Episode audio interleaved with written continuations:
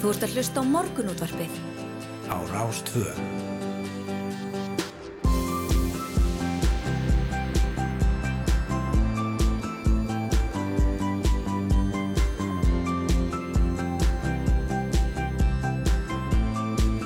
Morgunútvarpið Á Rástvö. Jú, góðan og blessaðan daginn. Morgunútvarpið heldur hér á stað miðugudaginn 16. mars. Hér setja Snær og Sindardóttir og Hulda Gerstóttir og við ætlum að vera með ykkur til klukkan nýju. Jú, jú, klikum ekkert á því frekar en fyrir daginn og ef því heldur að veturinn væri á að fara þá var það miskilingur hjá okkur og þau ykkar sem er að vakna núna að minnstakosti hér á höfuborgarsvæðinu uh, þið þurfa að gefa ykkur tíu mínútur uh, að minnstakosti til að móka bílónum áður en þið farið að stað í vinnuna eða svona klæði ykkur í, í samræmi við það ef þið ætlið að lappa út á starætastöðu eða í vinnu. Já. Það er búið að snjóa alveg helling. Já, það er allt hvít hér í höfuborginni og þetta er ekki dagurinn til að gera mistökun sem ég gerði í morgun sem var að fara út í sparaskónum og einhverjum flaksandi buksum. Þú helst að það væri fara að glitt í vorið eins og margir letur sér dreymum það kom hann eitt góðu dagur um helgina þá voru margir farnir að sjá fyrir sér uh, svona eitthvað, eitthvað voru í lofti en það er ekki alveg þannig hins vegar askaplega fallegt og friðsælt að koma út í morgun og svona hvít ábreyða yfir öllu en, en það snjóar en þá Algjörlega. Og það er bara, er allt í lagi. Við ætlum að, að jafna að geða þetta. Það er komið 16. mars og þessu fer að ljúka. já, Það já. verður ekki snjór hérna fram í júli.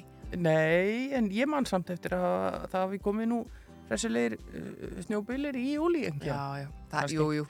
kannski ekki hér í Reykjavík en, en, við förum betru veðrið á eftir við ætlum að, að Það festir allavega ekki ef það snjóar svona. nei, en við ætlum að tala um ímislegt áhugavert í þættinum í dag við ætlum að, að, meðal annars að, að já, ræða launahækkanir fórstjóra Já, emitt. Í fréttatíma sjónvarsins í gerkvöldi þá var farið ítalega yfir launahækkanir forstjóra ímissa stórfyrirtækja á síðasta ári og þar kendi ímissa grasa en sem dæmi var nefna að árslaun forstjóra orkuveitur Reykjavíkur hækkuð um 6,8 miljónur króna, forstjóra Æslandi er um 22 miljónur króna og forstjóra Síman sem 9,5 miljón króna.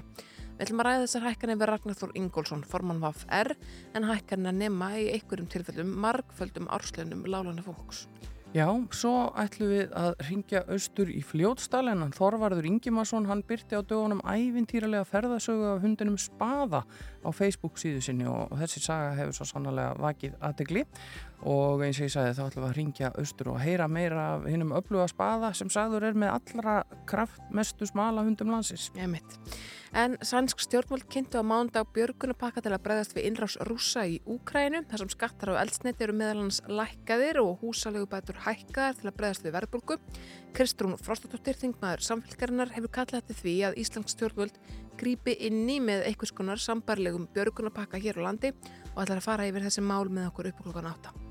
Já, svo er það nagladekkin. Umræðan um þau lifir góðu lífi og vilja margir að dreigi verður nótkun þeirra. Á meðan aðrir segja mikið öryggi í því að vera á neldum dekkjum, ekki síst þegar veturinn hefur verið harður eins og við höfum fengið að kynast undanfarið. En hvað er satt og rétt í þessu öllu? Við fáum til okkar Þorstein Jóhansson sem er sérfræðingur í teimi loftgeða og losunarheimilda hjá umhverfistofnun. Hann veit ímislegt meira um þetta en við og ætla meðal annars að fræða fólk í hádegin í dag en við fáum sæluna og svarar ímsum spurningum um nagladekkin klukkan kortir í átta. Einmitt. Og svo er á lögadag eitt ár líðið síðan að eldgós hófst í geldingatölum. Það er hérna ótrúlega tími líður. Já. Það muni eflust, sko, flestar hlustundur vera eftir aðdraðandunum, að minnst eitthvað hér á svona suðvesturhóttinu og Reykjanesi.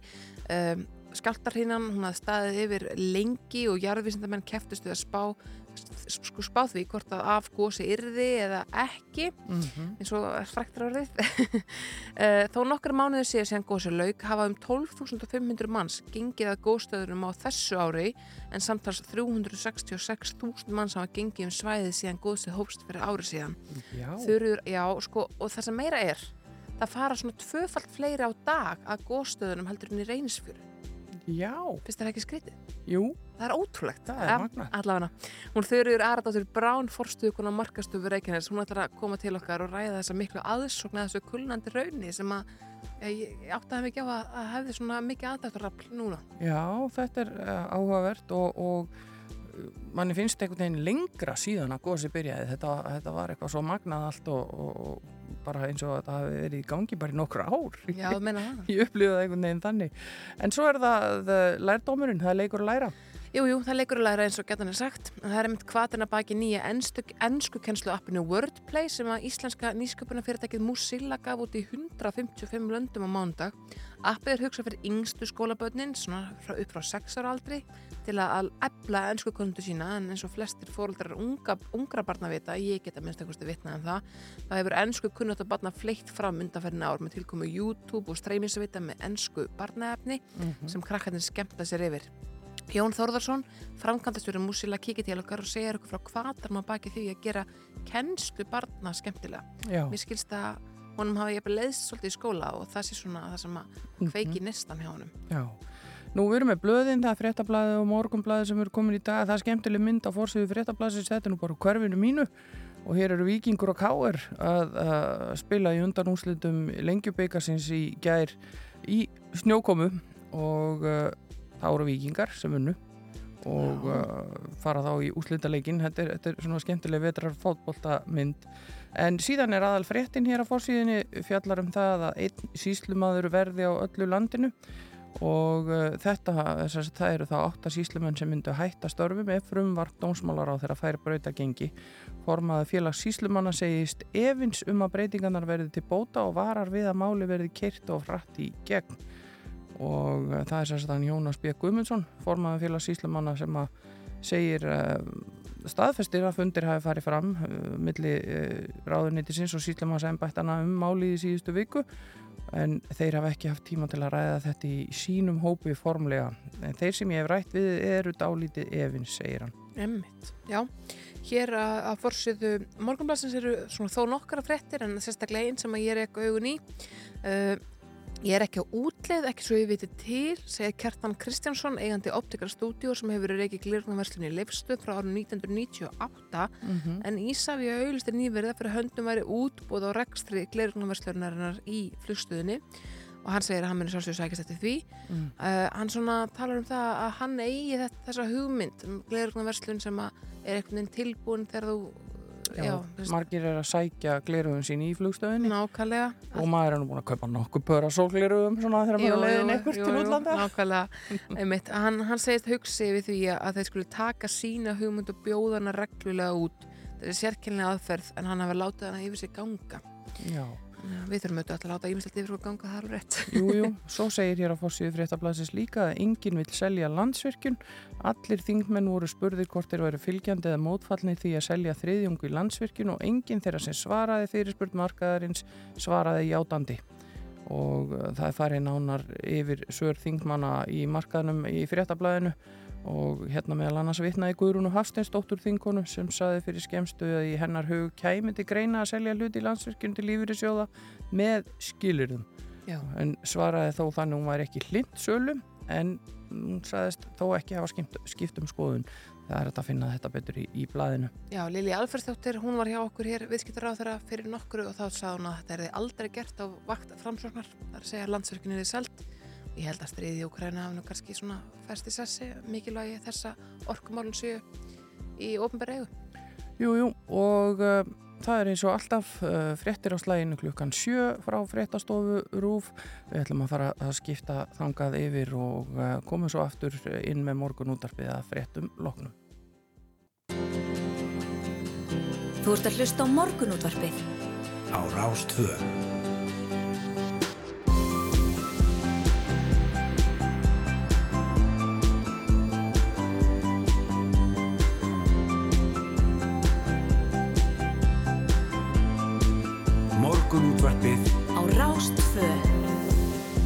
Við bjóðum góðan dag hér í morgunútarpinu á Rás 2, Huldagestóttir og Snæra og Sindradóttir með ekkur til klukkan nýju í dag.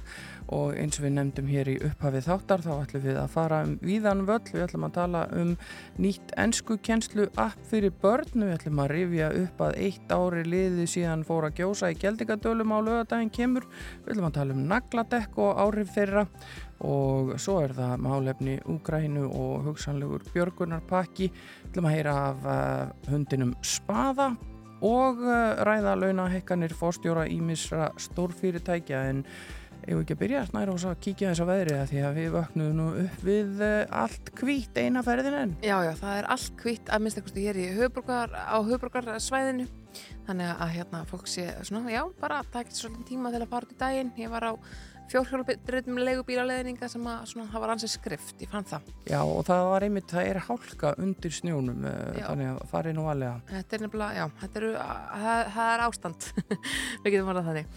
Uh, hér segir í hugleggingum viðfræðings að læðin sem stjórnaði veðrinu í gær sé enn á Grænlandshafi en hafi grinst tölvert. Veðri verður því áfram svipað en vindurinn þó öllu minni. Suðvestan 8-15 metrar á sekundu og jælegangur en yfirleitt þurft um landið í norð-austamert og frost 0-5 stig. Við kikið hér á kortið í hádeginu þá uh, já, er búin á snjókomu bara já, á öllum svona vestur helmingi landsins og alveg að uh, kvískerum kirkjubæðiklaustri og, og þar en það, mér sýnir svona haldist úrkomi lust á norð-austanverðu landinu mm. Annars það verður bara snjókoma og kingi niður og mörgu leiti og það eru bláar tölur allan sól og ringin dag fyrir dag. Já, já, það er bara ennþá vetur við, við bara lifum með því og það er, getur svo sem alveg verið fallegt og skemmtilegt að hafa snjó yfir öllu ef að, ef að vel gengur að, að, halda opnu. Já. en það segir hér á vegagerðarinnar að það er vetrarfæri en víða á landinu og þó nokkuð um þæfingsfærð á suðvestur og vesturlandi núna. Það er unnið að mokstri og hægt að fylgjast með færðakortinu inn á vefnum auðvitað Nú, hér á höfuborgarsvæðinu er hálka eða hálkublettir og jæljagangur á öllum leiðum. Á Suðvesturlandi er hálka og jæljagangur á Reykjanesbraut en annars hálkublettir á Suðunessjum. Það er snjóþekja á skafrinningur á Hellisheiði og í Þrengslum og þæfingsfærða á Morselsheiði. Annars er snjóþekja eða hálka og snjókoma á flestum leiðum og við færum okkur vestur á land. Þá er ófært á Bröttubrekku, þæfingsfærða á Vatnaleið og Fróðárheiði og snjóþekja og jælega gangur á öðrum leiðum og vestur á fjörðum er þungfært á flestum fjallvegum en þæfingsfærði í Ísafjörðardjúpi og á Hjallahálsi. Verið er að reynsa vegi eftir nóttina og koma upplýsingar um leið og þær berast. Vegurinn um Dinjandisheiði er lokaður og fyrir norðan er þæfingsfærða á Öksnandalsheiði og vestan megin í Hrútafyrði en hálka eða hálkublettur og jælja gangur í Húnavarsíslum. Það er greiðfært að mestu í kringum Akureyri og þar fyrir austan en uh, á Mývas og Möðrudalsöraðum eru hálkublettir en annars greiðfært. Og svo austur á landi eru hálkaða hálkublettir og eitthvað um jæljagang á flestum leiðum en snjóþekja og jæljagangur frá streyti og söður úr með ströndinni. Og söðausturlandi er snjóþekja eða hálka og jæljagangur á öllum leiðum og á söðurlandi er þæfingsfærðum Lingdalsheiði snjóþekja eða hálka og jæljagangur á öðrum leiðum. Þannig að þetta er nú svona já bara yfir all landið. Ég mitt, maður er bara Jújú, við ekki með það, en já. við erum að það, stytt, það styttist í annan endan á þessum vitri það er nú bara þannig. Við erum alltaf að segja þetta. Já, Við lifum í voninni, það er eins og það er en mikilvægast er að gefa sér uh, smávegis tíma til þess að sópa vel að bílum og skafa rúður og, og uh, fara rólega stað, gefa sér tíma. Þá gengur þetta allt uh, vel það fara bara valega En uh, við ætlum að fara hér næst yfir í, í tónlist og fá fyrsta lag dagsins og það er hann Pálmi Gunnarsson sem syngur fyrir okkur um vegin heim.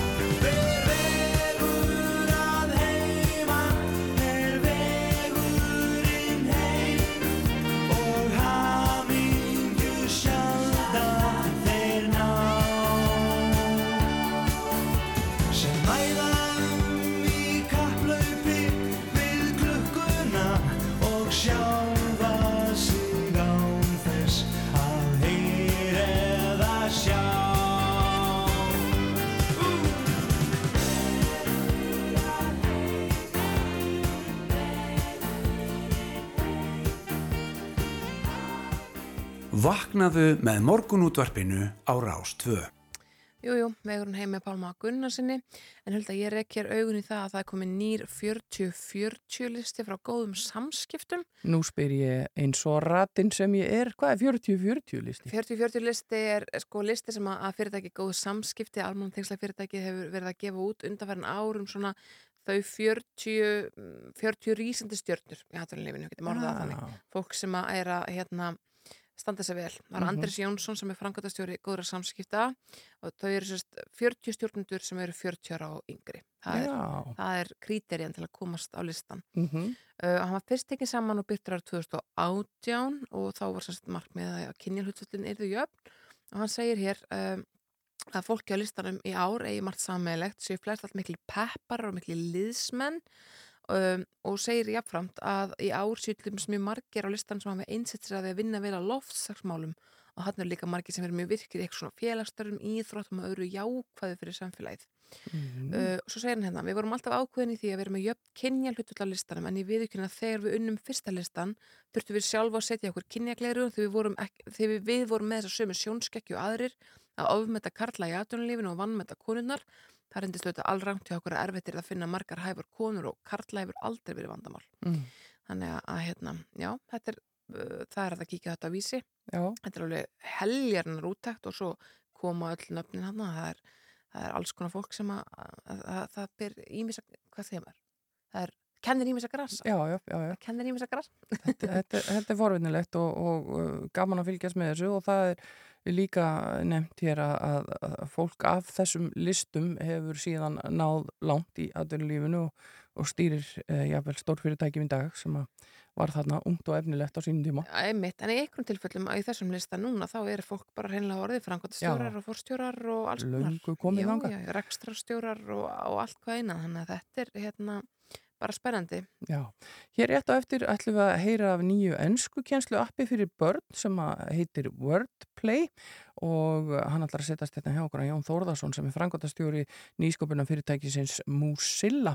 En uh, við ætlum að heyra eitt lag á meðan að hann kemur sér hérna inn til okkar og uh, þessi kappi átti ammali í gær. Uh, hann gleður okkur nú gerðan með sinni mjúku rödd Sigurur Guðmundsson syngur og lagið heitir Kappróður.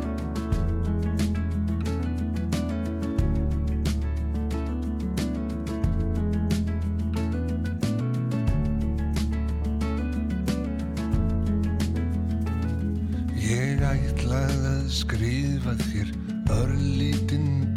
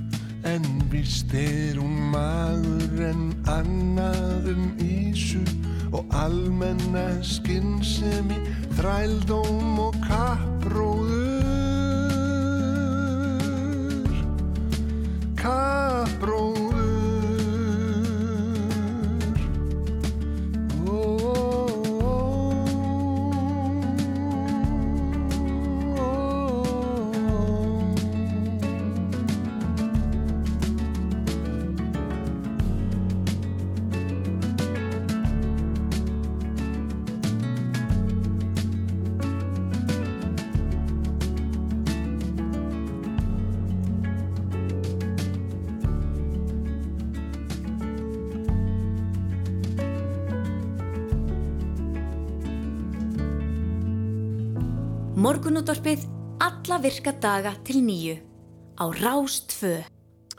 Jú, jú, við höldum hér áfram í morgun útarpinu. Það er leikur að læra eins og getnan er sagt en það er einmitt kannski helsti kvaternan baki nýju enslu, ensku kennslu appi sem heitir Musilla Wordplay sem að Íslands nýsköpunum fyrirtæki gaf út í 155 löndum á mánundag. Uh, hann er komin eitthvað til okkar Jón Þórðarsson framkvæmdastjóri Musilla til að segja okkur frá kvaternan baki því að gera kennslu barna svo skemmtilega. Vertu velkomin. Já, takk fyrir. Segð okkur frá þessu appi Wordplay. Það hljómar alltaf svo Wordle sem allir er að spila núna, það ekki? Jú, uh, já, Musilla Wordplay er lestrar og málörfunar app þar sem að börn læra og örfa orðaforða, Mm þar sem að ykkur orðaforðan, uh, heyrræna úrvinnslu og vinnsluminnið. Sem sagt að lærir að lesa, hlusta, taka móti fyrirmælum og ná svona taki á tungumálinu sem er líkillina samfélaginu. Einmitt. Og þetta er alltaf ennsku. Það er að vera að kenna ennsku þarna en ekki íslensku eða eitthvað annað. Já, þetta er gert í nánu samstarfi við talmeina fræðingarna Ástildi B.J. Snorradóttur og Bjartægjur Sigurðardóttur sem að að byggu til orðagull á Íslandi. Mm. Og orðagull er notað í flestum leikskólum og skólum Íslands og hefur verið gagnast rosalega vel þannig að við hugsaðum hvernig við getum nýtt þetta fyrir alþjóðlega markað. Og enskan var þá bara fyrst er fyrst uh, inn í þetta þannig að við þýttum allt saman, teiknuðum upp á nýtt og gerðum svo hundruði nýra æfinga og spurninga og krossgátur og leiki og læri gegnum söng og bókasam Mm. allt saman inn í Musilla Wordplay og, og, og stærsta já þetta er náttúrulega fyrir sko enskumælandi börn en svo er þetta líka fyrir annað tungumál og börn geta lært ensku náttúrulega í gegnum appið okkar. Mm. Nú tengjum maður þetta fyrirtæki Músilla gjarnan við tónlist eh, og við höfum fylst með vexti þess frá upphafi eh, en nú eru þið farin að færa út í kvíarnar og, og, og það er ekki bara músikinn. Það var svona tekin ákvörðum fyrir einu ári síðan Mm. Hvernig við ættum að stækka og, og nýta það sem við erum búin að búa til og aðferðafræði músila að læra í gegnum leik og að skapa eitthvað, þannig að learn, play og create er það sem við getum gert í svo miklu meira magni heldur en bara í tónlist. Já. Þetta hefur nýst rosalega vel í tónlistinni og sérstaklega þá það sem að börn uh, fá leið á tónfræðinni en það er sama í öðrum fögum þar sem að börn fá kannski leið á, á málfræðinni eða, eða fræðinni á bakvið að læra eitthvað Mm þannig að, að setja þetta upp í leik er einhvað form sem að til þess að sem að hvetu börn áfram til þess að læra Mm. En þetta fyrirtæki, eins og ég segi, það hefur vaksið og dafnað á undanförðum árum. Hver eru umsvið Músilla í, í dag? Hvar eru þið, eh, eru þið að starfa í, í mörgum löndum eða hversu umfánsmikið er þetta orðið? Músilla er fyrirtæki sem starfar í borgatúninu á Íslandi Já, og við erum tíu manns og erum öll þar eh, tíu manns frá fjóru löndum og, og en eh, forritin okkar eru í, í þessum 155 löndum og stærstu markaðunar okkar eru Bandaríkin og Breitland og Ísland Mm. og Norðurlöndin og svo er uh, kennsluforritið þannig að, að skólar eru byrjað að, að farnir að taka þetta upp að það, það er búið að innleiða svona kerfi þannig að, kennarar sjá uh, námsframgang nefnda sinna og, og allt saman þannig að það er búið að taka það upp á Norðurlöndunum og, og viðsvegar og, og til dæmis er, eru öll börn í Kópavóksbæ í öðrum og þriðabekk núna í músila í tónlistakensli. Einmitt. En sko, að þú talar um að appið sé fyrst og næst hugsa fyrir ennsku mælandi börn til þess að svona efla sinna orðafóra en íslensk börn geti líka nota það. Sko, fyrir hvað aldur heldur að geti opnað appið og svona krabla sig áfram lært svolítið af ennsku, af íslenskum börnum? Eh, appið er komið út, ég sendi þér appið í gær, en Mitt. hann náði barnið þetta. Jú, jú, henni tókst ágætlega, sko. Já, hvað er hún komið? Hún er sjö. Sjö ára. Já, En svona, þú veist, þetta er samt alveg flókið. Ég meina, það er Já. alveg, það er alveg erfi orð. já þetta er, eh, og, og við líka trúum á það að það má vera krefjandi og sérstaklega vegna þess að þú heyrir allt saman. Leikonan Camille eh, Marni leikles allt saman þannig að þú heyrir allt. Börn í dag eru ótrúlega klár. Þau hafa öðlastekkingu á ennsku í gegnum YouTube og, og sjómasefnið Mm en appið og forritið okkar getur þá svona uh, sett þetta inn í uh, sett fræðina á bakviða og, og, og, og kendi málfræðina á bakviða þetta allt saman. Þannig að uh, ég held að á Íslandi getur notað þetta sérstaklega 8, 9, 10 ára í kennslu. Það eru ennsku kennara að byrja að nýta þetta núna á Íslandi og, og eru mjög spennt að nota þetta í kennslu en að það er það er fyrr heldur en þegar ég var í skóla sem að þau byrjaði í ennskunni og Já, maður byrjaði að- svona um tíu ára aldurinn, held ég, svona, já. já, fyrir okkur sem eru fætt 1900 og eitthvað. já, já, ég held að þessi átt ára núna Já, en, en það eru og allir foreldra geta líka náði þetta það er Mhm. hægt að ná í þetta og prófa heima á App Store og Google Play þetta er mjög svona aðgengilegt Kostar þetta eitthvað? Ef maður sækir þetta bara til dæmis í App Store. það kostar ekki að prófa Mm -hmm. Uh, og þá nærður svona skilning að þessu hvað þetta er. Og svo er bara mánaðagjald vegna þess að appið og inniheldur engar auðlýsingar þetta er algjörlega örugt umhverfi fyrir börn. Já, og engin trublun, engar auðlýsingar, ekkert markasefni eh, og, og svo er þetta líka góð skilaboð og, og gentjónautral og, og, og þannig að þannig að þetta á að vera bara örugur og góður staður fyrir fjölskylduna til þess að, að gera eitthvað saman í. bestamál, Jón Þorðarsson, framkvæmtastöru Músíla, takk kærlega fyrir að segja ykkur frá þessu spennandi ennsku kennslu appi. Já, þetta hljóma vel og, og, og verður gaman að kíkja þetta með, með börnum og, og jafnvel barnabörnum þó ég sé nú ekki komin Og þangað. barna, barna, börnum. Öllum. Takk jæglega fyrir þetta og gangi ykkur vel með þetta. Takk hérlega. Við heyrum hérna í eh, John Grant og Ellen Kristjáns næ- næst og svo er það frétta yfir lit klukkan hálf.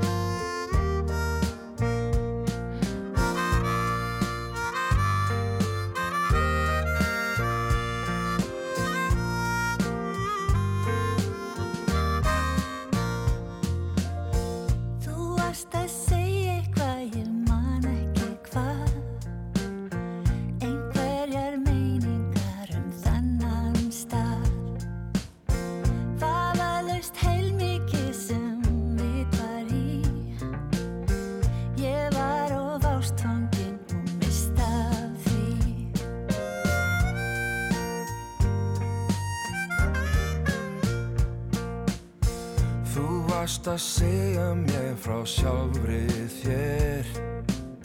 Satt best að segja fór það fram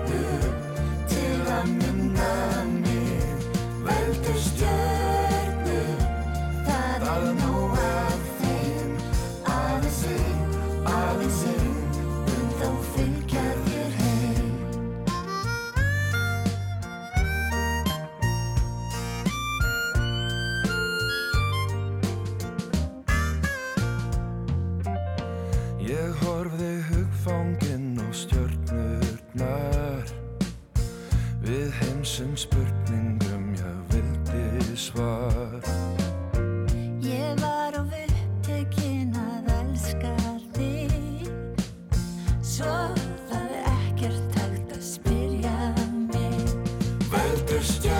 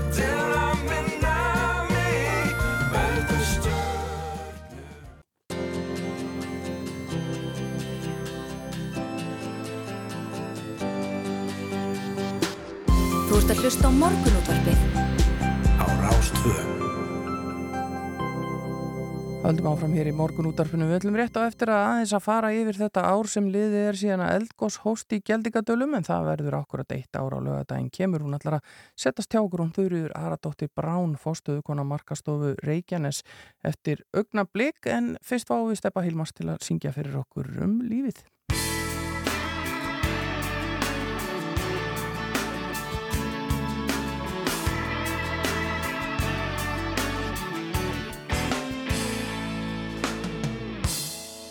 Ljós í myrkri, langt og mjótt. Markar upphafið hjá þér. Allt í einu ertu komin inn í heiminn lítill dofin dregur andan hið fyrsta sinn. Þú ert vorin vindur hlý Bekur hjá mér nýja kenn Og ég græti gleði minni Þú gefur mér með návistinni Svo miklu meira En trúði ég. Líf, ljómið þinn er skínandi skær. Líf, auguð þín svo saklaus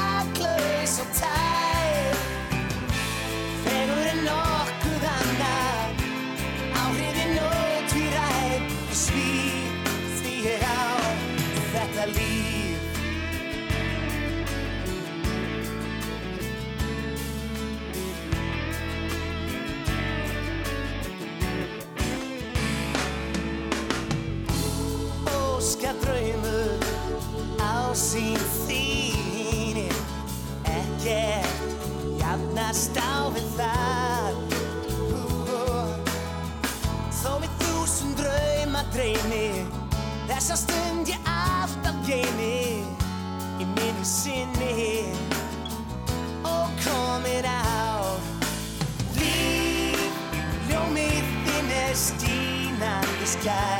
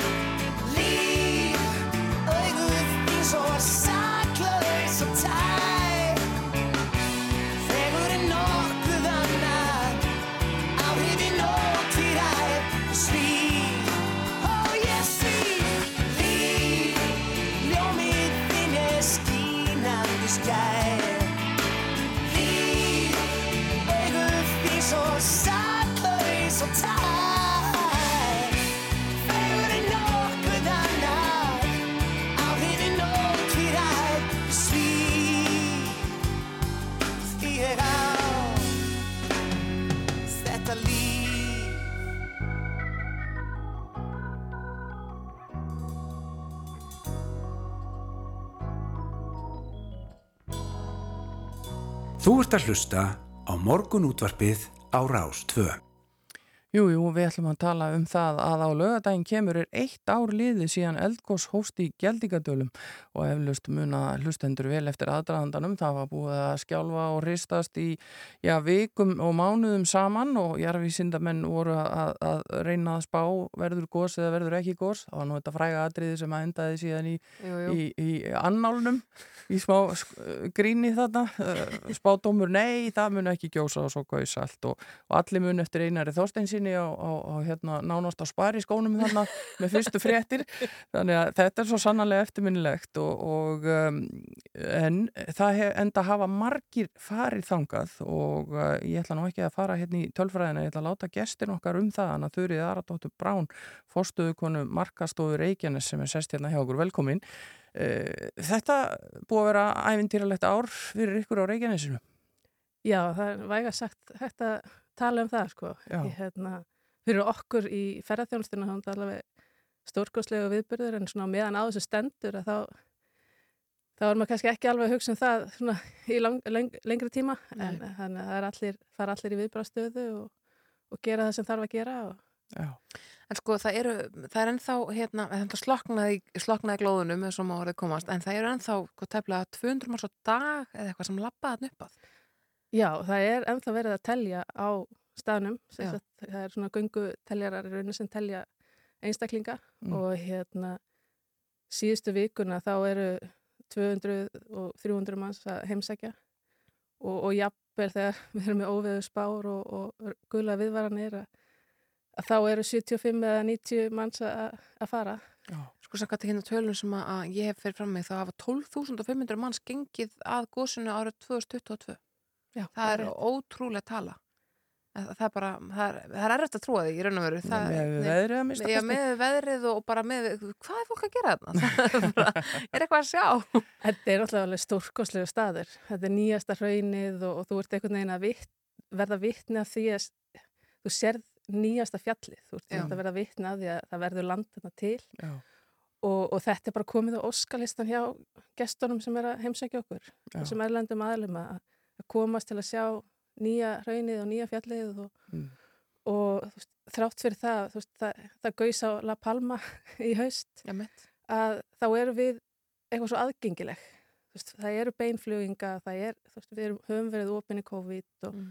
þannig að við erum mjög aðgengileg til þess að koma og skoða þetta þannig og það sem við höfum í raunin bara verið að gera frá því fyrra sumar og, og svona eftir að að það hætti að gjósa þá eru við meira að, að vinni því að hjálpa fólki að, að, að undirbúa sig, að komast þangað og svo hins vegar að, að finna fleira handa þeim að gera, íta fleiri aðtöðum að og, og áhugaverðum stöðum Já. af því að þeir eru múnir ákveða að koma enga Mhm. svo eiga þær eftir að setja upp daskrana Mhm. fyrir allan daginn eða, eða veist, þeir alltaf kannski ekki vera þarna allan daginn Já, en gósi kom Reykjanesinu svo sannarlega á kortið og ef við lítum yfir þetta tæpa ár síðan að byrjaði að gjósa, hver er heildarfjöldi fólks sem talin hefur verið þarna uh, að koma? Þetta er bara eitthvað á við íslensku þjóðinu eða rétt rúmlega það? Já, alveg, alveg örglega. Það er sérst mælaborðið telur 366.000 en uh, mælarnir voru ekki settir upp fyrir ennum viku eftir að byrja að gjósa og við munum alveg eftir myndunum að því þegar Jú, jú. fólk er að fara þannig upp þetta þannig að við getum sagt að í minnsta lagi Mm. þessi tala sem að við erum með þarna og svo náttúrulega eftir að telja aðilana sem að fórum með þyrluflugi og þeir sem eru að koma með fjórhjölum og böggibílum og, Mm. og labba annar staða frá því Mm. að fólk, fólk leitaði allra leiða einhvern veginn til þess að komast að Jú, þessu jú. Sem við fóru á hestum. Já, já, nákvæmlega og svo eru þeir sem hafa farið mjög oft, þeir eru farnir að finna aðra leiðir að þessu og, og skoða meira og. En þetta hefur svo sannarlega komið svæðinu á kortið og, og, og þið hljótið á fundi fyrir því sem eru að, að markasetja Reykjanesið. Já, þetta var, uh, þetta var algjörlega breytt okkar í rauninni stefnu í markasetningu á svæðinu. Mm. Eins og segja áðan, þú veist, við erum, við erum í rauninni ekki lengur að, að segja hérna eru við og, og við erum alveg áhuga að verða heimsækja. Veist, og reyna að sanna það fyrir þeim. Mhm. Við erum bara búin að sanna okkur og hérna, núna erum við bara að, að svona, minna á okkur Já. í meira lægi og, og hérna, og vinna með ferðarþjónum staðalum bara að því að, styrkja, styrkja okkar, hvað segja, vörumerki. Já. En er það ekki þannig að fólk keiri bara úr Reykjavík að einhvern veginn geldingadölum með rútu eða, eða bíllegu bíl og svo beint aftur? Er, er það að stoppa í aldursvæði Grindavík og Reykjanesbæ og allt þetta? Um, það er í rauninni eftir gósið þá byrjuðu dagsferðinar á Reykjanesið aftur. Já. Þar höfðu í rauninni lagsta frá úr, úr Reykjavík uh, sem er sjálfsög mjög ánægilegt og það er í rauninni bara okkar að, svona, að veiða þau inn, inn á svæði til þess að vesla við okkur. Mhm. En þessar dagferðir sem eru í bóði í dag, það er flesta stoppa eins og í Grindavík. Að því að eftir gönguna þá þarftu mat og, Mm. og þú vilt kannski sjá eitthvað meira og, og þess að. Þannig að En þið hljóti líka að hafa þurft að sinna mikið af fjölmjölum. Já, við erum eiginlega bara með starfsmann í því Já. frá því að þetta hófst og, og hérna, hann er búin að vera að vinna mikið með uh, Íslandsstofu. Þau hafa verið okkar, okkar fjölmjöla deildi rauninni í gegnum þetta allt saman og, og, og unnið þetta með okkur mjög, mjög náið. Mm. Þannig að hérna, og það í rauninni þú veist, það hafa byrst fréttir í, í nánast held í öllum miðlum sem að tala um Elgos eða ekki tala um Elgos, það, það, það voru allir að tala um þetta á sín tíma og hérna svona uppreikna virði er þú veist, talið í miljörðum Mhm. þú veist, ef maður, maður fyrir að reyna að reikna út eitthvað auðlýsingapláss eða eitthvað slíkt sko Mm. og hérna og svona miða við lesendafjölda þessara erlendu miðla þá, þá er þetta uppsapnað alveg fleiri miljardar sem að hérna ætti að hafa lesið eitthvað um elgósi sko. Já, En hver eru það væntingar ykkar, bara svona rétt í lokin, hver eru væntingar ykkar sko til þess að hérna, fólk komi áfram? Ég meina, tæpla 200 manns á dag núna, hvernig verður til með sumarið í geldingadölum?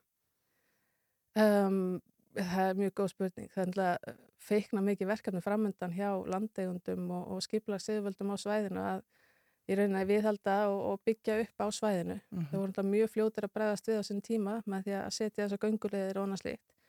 Og, og það hvernig síðan þeir þróa þetta áfram, ég heit að þeir eru á, á fullu í merkingum og öðru Mhm. dag. Um, þannig að það hefur svolítið mikið að segja hva, hvernig er tekið á mótið þeim. En, en við, við höldum áfram að minna á þetta og, og láta vita að þetta sé þarna og, og hérna og þannig að þetta er þetta, við höldum alveg áfram, við hættum ekki að tala um þetta Nei, nei. þetta er, þetta er náttúrulega svona, þetta er svona áningastæður í rauninni bara svipað og við vorum að vinna með eins og fjár, fjárrágljúfur og stuðlagil staðir sem verða allt í einu vinsælir, Já. ekkert til staðar og við þurfum einhvern veginn að, að klóra okkur áfram til þess að, Bregðast rætt við. já, nákvæmlega Og svo segja sérfræðingar að þetta sé kannski bara upphafið að heilmikið rinu.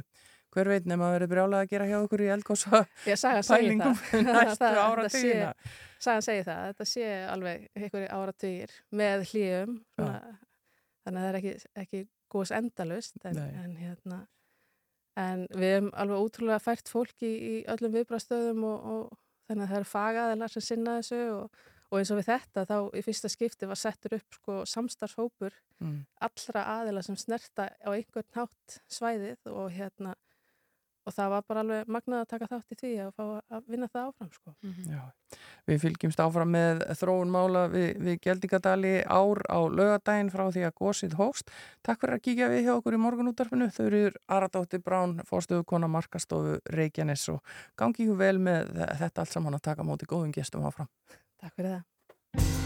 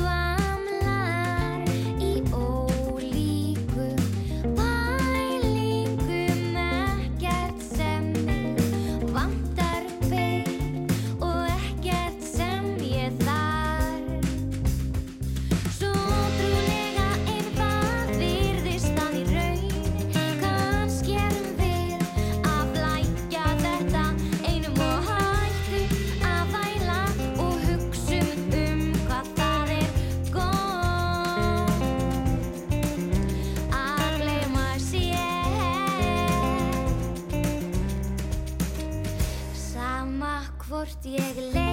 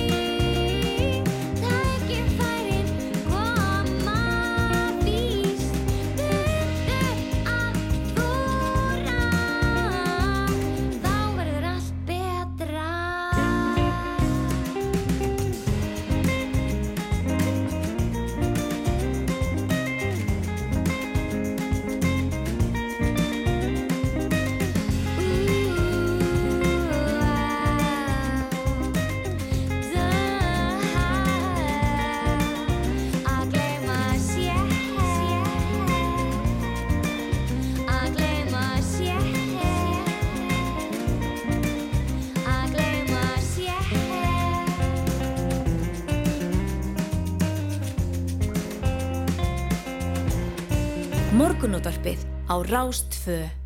Alla virka daga frá 6.50 til 9. Mér finnst alltaf gaman að minna okkur á hvena þátturinn er í loftinu. Ég er alveg full, full færum að við fylgjast með því. Við erum í lóttu. og við ætlum að halda áfram og við ætlum að tala um mál sem er einhvern veginn alltaf í umræðinu á Íslandi. Það er umræðin um nagladekkin og margir vilja að veri dreigið úr nótkun þeirra meðan aðeins segja mikið öryggi felast í því að vera á neldum dekkjum. Ekki síst þegar veturinn er harður eins og hann hefur verið núna og við höfum fengið að kynast. En hvað Hver eru sannindin í þessu öllu saman? Þásteinn Jóhansson, sérfræðingur í teimi loftgeða og losunarheimilda hjá Ungveristofnun veit ímislegt um þetta og ætla meðal annars að fræða fólki á netfyrirlestri í hádegin í dag.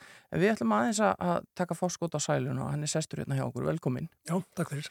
Uh, Þessi umræða, hún er stöðugt uppi. Það er annars vegar sjónamiðin um mengun og skemdir á gödum sem að nagladekk valda og svo hins vegar uh, þau sem halda því fram að það þurfum við þá bara að sópa oftar, þrýfa betur og þetta sé ekki bara nagladekkjunum að kenna.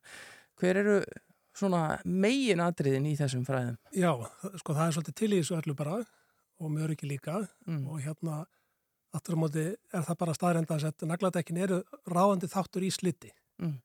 þar sem er mikið lögferð sérstaklega og, og hérna bíl á nöglum hann slítur markvallt meira heldur en bíl á nagla og það munna kannski sko um 20-40 sinnum meira mm. það sinnum ekki 20-40% þetta er 2000% munur allavega Já. þannig að það er veruleg munur og þannig að það er bara velur hagsmunir fyrir veghaldara að, að, hérna, að minka slitið mm -hmm.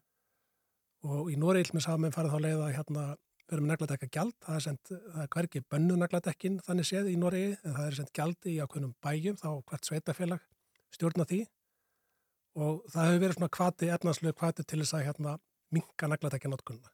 Já, það er kannski hugmynd sem að geti henda hér. Ég auðvitað er eitthvað að fólki sem að er á nagladekkin vegna þess að það þarf að fara út úr bænum ofti eða er að keira jafnvel uh, til borgarinnar utan að uh, í vinnu og svo framvegis. Þetta, þetta er mikilvægt öryggisættir. Jú, jú, og bara algjörlega sannlega og sérstaklega náttúrulega, þú veist, fólk sem er að býr út á, landi eða er að keira eins og frá Selfossu og er að fara yfir helliseiði, mm -hmm. Þá koma sannlega dagar það sem er betra á nöglum og sérstaklega færi og bara í blöytum klaka, það var nagla náttúrulega eðuburði, en, en það er þetta móti með slitið og líka bara sýrismengun hérna á höfuborgarsveðinu og, og, og ef þetta væri sendt, ef það væri svona gæltöku heimild sko það myndu öruglega engöngu vera sveitafélag á höfuborgarsveðinu sem myndu, myndu nýta sér þetta. Og Ísfyrringa myndu aldrei setja gjald Nei. og, og sendur vantilega ekki til. Og hérna og það heyrist líka að þetta veði landsbyðaskattur fólk sem virkilega þarf nagladekk um, býr á Ísafyrði það er svo að borga þá þetta árgjald ef það er einu sinna að fara í bæin en Mm. eins og út í Noregi þá getur þú keftir árgjald sem er það hagstaðast hlutvarslega Já. þú líka keftir mánægjald, þú líka keftir bara daggjald Já. og daggjald er svona svipað eins og leggja bara í stöðumæli miðsvæðis Mm. 300 krónur, 500 krónur eitthvað slið sko. Og er þetta eitthvað sem að, að, að sko, aðkomum fólk myndi borga bara þegar það kemur í bæinn? Já, einhver sem er sjaldan að kæra Reykjavík segjum býr á Ísafjörði, þarf að koma í bæin segjum nokkur sem ári þá bara fer hann í appi símanum og kaupir Mhm. gjald fyrir þann daginn En nú er þetta búið að vera sérstaklega snjóþungur vetur, februar bara, ég man ekki hvað voru, þú veist, nánast 30 dagar af 28 sem voru með snjó eða eitthvað alveg. Það var mjög hátt hlutfall hérna hvítar daga hér í að höfubrukinu og, og allir sem eru að vakna núna sjá að það er hvítt yfir öllu. Uh, sko, þetta meina, er, er hægt að setja svona þegar að ófyrirsjámanleikin er svona mikill í veðráttunni. Það bara hefur verið mjög erfitt að keira í borginni sko dögum og vikum skiptir. Já, já, ég menna það er sjálfslega hægt sko og, og hérna aðstæður hér í vetur hafa sko venjuleg snjótak hafa ég vilt vera að duga bara lágætlega. Já. Góð, góð vetardekk eru mjög góð uh, þó þau séu kannski ekki betra á blöytum klaka Mm -hmm. og, og þetta er sannlega já snjóðungu vetur og sá, sá mesti bara í, í já, 20 ár segja ég að byrja veðurfræðingar sko og, og eitt sem er aftalað um í samvættu mengun sko, það þurfi bara að sópa og mm. það, sko, vissulega það hjálpar og það er ákveðin forverðni að sópa en eins og ástandi hefur núna, það er búin að vera eiginlega snjóra á göttunum síðan bara setniprættin í janúar. En þá spyr maður líka... að. Nei, en, en, en þá spyr maður, sko, eins og ég skilir þetta sem leikmaður að þá verður uh, framlag nagladekkjana til svifriksins kemur úr malbygginu Já. og ef það snjóri yfir öllu þá er vantalegi, erum við ekki að tæta um malbygga á meðan? Jú, við tættum malbyggi en það verður ekkert rík af því það bara liggur blökt á göttunni. Malbyggsturlan. Já. Svo núna þegar þessi kapli klárast uh, sem að gera einhver tíman Mm. og þeir eru búin að vera svona kannski 1-2 þurri dagar, þá fer allt á kafi rík. Og það fer allt saman upp, allt sem að er búið að tæta upp allan veitur. Uh, ekki allt í einu, en, en hérna hægt Það er það er þarna á göttunni og, og leið á þotnar og fer alltaf þyrlast upp, Mm.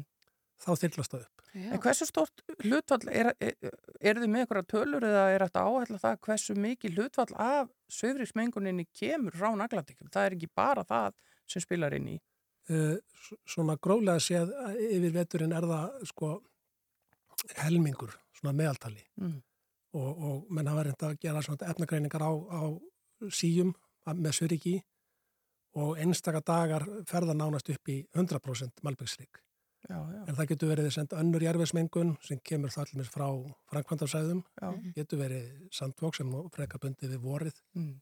Eldgósamengun? Eld, eldgósamengun já og svo er einhver hluti af þessu er hreinlega bara sko, eins og bremsuborðamengun, dekkarík, dekkarík, Mhm. en, en malbyggið er svona ráðandi þáttur í þessum, þessum stóru sveri stoppum. En er meira, meiri svifurksmengun í Reykjavík en í, já, bara höfuborgum að andara Norrlanda til dæmis? Sko Reykjavík kemur einna best út uh, uh, í Evrópu, Já. heimlega, og hérna við erum í svona fyrstu öðru þriða seti, hvað hva, hvað, hvað, hvað, hvað er lítilmengun. Mhm. Aftur á móti er hún svona svolítið svona aukakendari. Það er sem þá almennt sé bara mjög lítilmengun, en svo einmitt á þessum ástíma, svona mars-april, þá voru að fá daga sem eru sko, já, slá út stórborgum. Það er það mjög stutt, en meðaltalið, meðaltalið er við bara yfir, í besta seti. Já, en það verður ekki hjá því komist að, að, að við búum á Íslandi og við Já. eigum vona á því að veturinn geti verið eins og hann er búin að vera núna og það mun seint verða þannig að allir sættir sig við það að við hættum að nota nagladekk, hugsanlega einhver gjaldtaka og annað slíkt eins og þú nefnir til að draga úr þessu en, en hvað eigum við þá ekki, væri þá ekki eðlilegt að svona bara gefa svolítið í í reynsunastarfinu til þess að reyna að jafna þetta út? Mundi það ekki hjálpa til? Jú, það, það myndi sannlega hjálpa til og, og sérstaklega og þessum kapla líkur, það hefur ekkert verið hægt að sópa núna síðan bara miðan, miðan janúar. Mhm. Það var hérna tækjafæri fyrstu kannski tvær vikurnar í janúar ábara rigning. Og leiðu þessu snjór, snjórfjær, þá er mikilvægt að byrja að sópa og, og taka þessna þykka drullulagið í kantinum. Mm -hmm. Uh, aftur á móti, og það sést mjög vel sem þegar stór bíl keirir nátt þessu, þessu drullulagi kantinum og það þyrlast mikið upp Mhm. aftur á móti svona massvinna mengunni er ekki að koma á þessu þykka lagi í kantinum heldur er að koma undan hjólunum okkur um einasta bíl jafnvel þó þeir ekki á miðagrin og það er ekkert svona mjög sjáalegt frá hverjum einum bíl Mhm. þannig að hérna svona skamtíma redding það er að reikbinda göttunar núna þegar það er koma undan vetrinum svo fyrstu þurrudagarnir að þá reikbinda malbyggi þessum er reikbinda malavi Já. og það er gert á Norðurlandunum, það er gert í, í, í Svíþjóð og Finnlandi og eitthvað í Noregi líka, menn bara er að reikbinda. Bara bleit, bleit í þeim? Já, það er bara tankbílar sem verður með sérstakka saltlaust, þannig að mm. þetta frýs ekki. Þetta salt er mjög rakadragt, þannig að þó að sé komið kannski 5 stega frost, 10 stega frost, mjög þurrt, Já. þá helst y- yfirborðið rakt, þannig að það þyrlast ekki upp. Já. Og þetta er skamtímaredding, en, en hérna, þetta reddar okkur gegnum vestu, dag, vestu dagana. Já, þú ætlar að segja meira frá þessu í hádegin í dag. Hvar getur fólk fylgst með því? Já, klukkan 12.15 er sendt fyrirlastur á netinu og bara allar upplýsingar á heimasíðu umhverfistofnunar og líka á Facebook síðu umhverfistofnunar. Já, og það er bara ust.is, segir maður rétt. ust.is og líka umhverfistofnun.is. Já, það er uh, mjög fráðlegt að, fá meiri upplýsingar um þetta og hvernig má breyðast við. Þásteinn Jóhansson, sérfræðingur í teimi loftgæða og losunarheimilda hjá umhverfistofnun. Takk fyrir að koma til okkar og, og ræða svo litið um, um uh, nagladekkin. Þetta er mál sem er einhvern veginn alltaf sjóð heitt en við ætlum að fara að færa okkur yfir í fréttir. Þú ert að hlusta á morgunútvarpið. á Rástvö.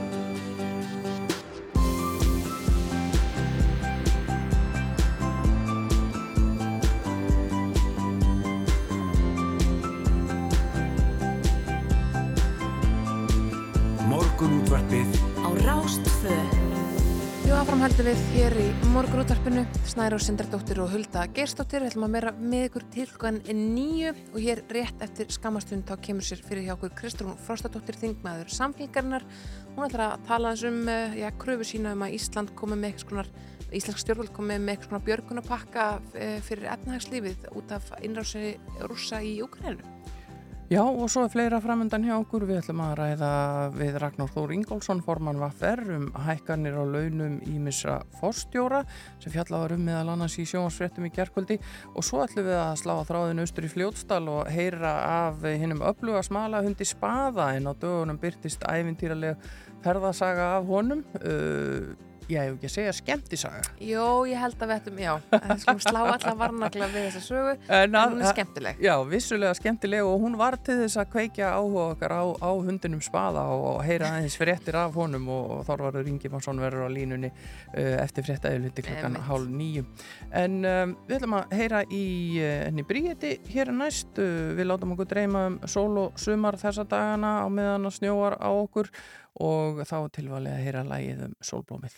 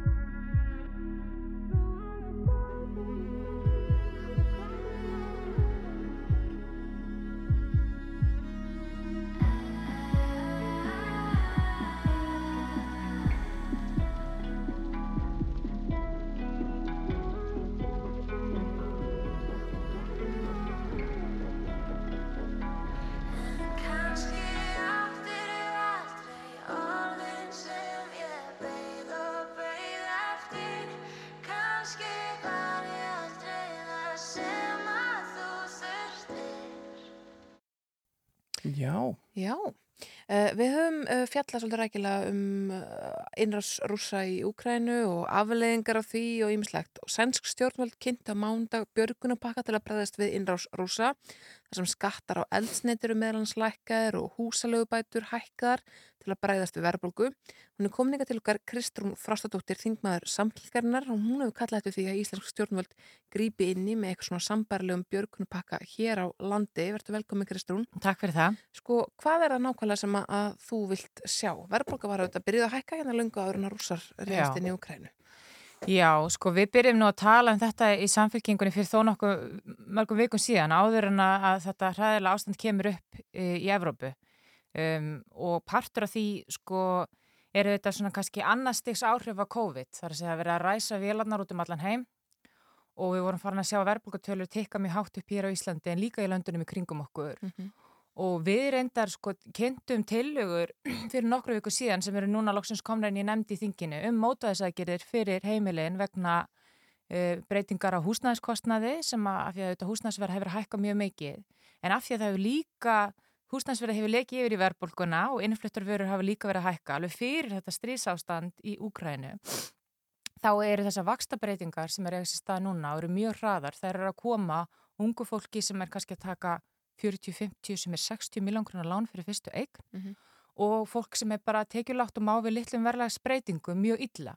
Þannig að við vorum farin að stað með það umræði fyrir þó nokkuð lengur síðan og það var ekki alveg úr lausloftu tekið. Þá voru úrræði nú þegar kynnt í Bretlandi út af orkuverðsækkunum það út af COVID, líka í Fraklandi. Síðan gerist það að tíminn líður og það heyrist lítið, lítið frá stjórnvöldum í þessu tengdu og svo gerist þetta í Úkræni. Um, og þetta, það sem þetta hefur þetta gert út frá svona efnaðslegu sjónamiði er að þetta við sett gríðanlega þrýsting og hraðað öllum hækkunum á hráfurðum til að mynda. Og þessin erum við að sjá bensínlítra núna koma við 300 krónur. Um, það er mikil verðbólga í pípunum án þess að maður sé að tala upp ver verðbólguvæntingum. Maður áður ekki að gera það en við þurfum líka að vera raunsæ. Og nýjasta verðbólgumæling sem kom frá Sælabankunum núna fyrir síðasta mánu var 6,2% og horfirnar eru ekki góðar. Og þessina eru stjórnvöld við um heim að stíga inn núna til að koma í veg fyrir ákveðin spírall fara af stað.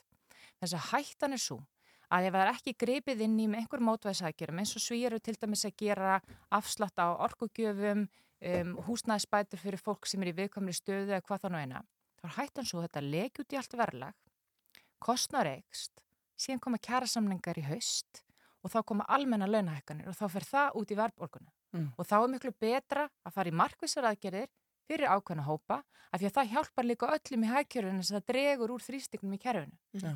Hvaða aðgjörir eru þetta sem að þið uh, leggir til? Sko aðgerðina sem að við kynntum fyrir nokkrum vikum og eru ennþá bara mjög góðar í þessu samengi snúa að að, að það verði skoðað til að mynda sértekar vakstabætur. Vakstabótakerfið er orðið ekki neitt neitt á Íslandi. Það verður bara tekin pólitíska ákvörðun um það að það ætti ekki að halda áfram með það kerfi þannig að þú þarft að vera á mjög, mjög lágum tekjum til þess að fá vakstabætur. Við erum að tala um ef að fara í sértekar vakstabætur fyrir ákveðin hópa sem er undir ákveðin tekjustíi sem er með mjög háar skuldir og þá myndir það fyrst og fyrst gagnast ungu fólki. Svo vorum við líka að mæla fyrir því að það er gripið til úrraða samlega með fjármálastofnunum eins og var gert í COVID fyrir fyrirtæki að leifa, þá var fyrirtækinn leift að dreifa greiðslum yfir lengri tíma að leifa hérna hópum heimil að gera það líka vegna þess að vonandi eh, er þetta tímbundi ástand en þetta gætarlega varað í ár 12-18 mánuði og það er svo hættulegt ef það kemur svona snögg breyting í verðlægi að fólk, uh, almenningur, verðlegt fólk sem hefur ekki mikið sveigrum, taki þetta allt í fangið einu. Af því að það getur haft svo rosalega þenslu áhrif síðar meir og síðan núna uppkomið þessi staða með ráverðverðshækkanir. Ég held að það þurfa að skoða alvarlega að fara í ykkur úrræði út af til að mynda bensinkostnaði.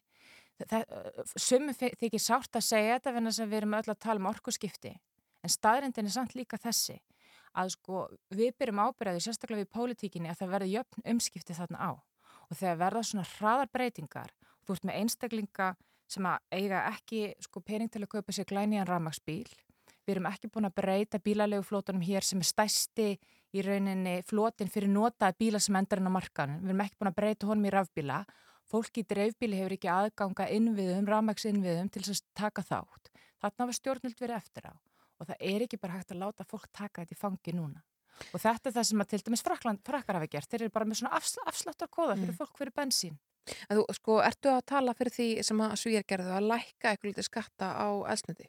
Það væri annarkvært hægt að lækka skatta á elsneiti en það væri líka hægt að gera eins og frakkar hafa gert. Það sem að þú fær bara í rauninni bara svona afsláttakort sem að þú bara notar á bensinstöðum sem að tekur þá af. Þá er líka ákveðin svona hugrinningatengsl, þú veist hvað bensinni kostar, en þú veist líka að það er verið að gefa verið afslátt, þetta er tímabundi ástand. Mm. En það sem að svíjar eru líka gera, sem er mjög snuttar, þeir segja, við vitum að þetta er svolítið erfitt skref því að við erum að tala um orkuskipt og þess og þar. Þess vegna ætlum við líka að hækka styrki og niðugræslu á ramaspíla. Mhm. Skilur, þannig að við ætlum að reyna að koma með mótvæðisækjari og flýta inn við uppbygging og þess áttar. En þú segir hérna í grein og vísi ekki að það mun aldrei ná sást í samfélaginu um alvöru loftslags, loftslags aðgerðin nema tekjulegast og viðkvæmastu hópurum sér hlýft. Mhm. En er ekki flokkur þinn í meiruluta í borginu búin að vera það í mörg ár og geti einfallega stígi núna inni með einhverjum alvörum hætti og gert almenningssamgöngur að alvöru valkosti sem kosta ekki hönd og fót? Mhm. Já, já, ég meina það er náttúrulega það sem að meirritin hefur verið að reyna að gera, það hefur verið mikil áhersla á þessa borgarlínu til þess að Já, koma... hún kemur ekki fyrir en eftir mörg mörg ár. Já, algjörlega. En Það, þetta er ekki hægt að grípa í sko stríði í Úkrænu með henni. Nei, og það eru þetta, auðvitað eru ákveðna álögur sem að væri hægt að lækka, en Mm. staðrendin er líka svo, við erum líka, líka sangjötnvandi stöðu sveitafélaga að- og fyrir maður sinni í fjármála stöðuna, sko, hvar er sveigurum í dag? Það er hjá ríkinu.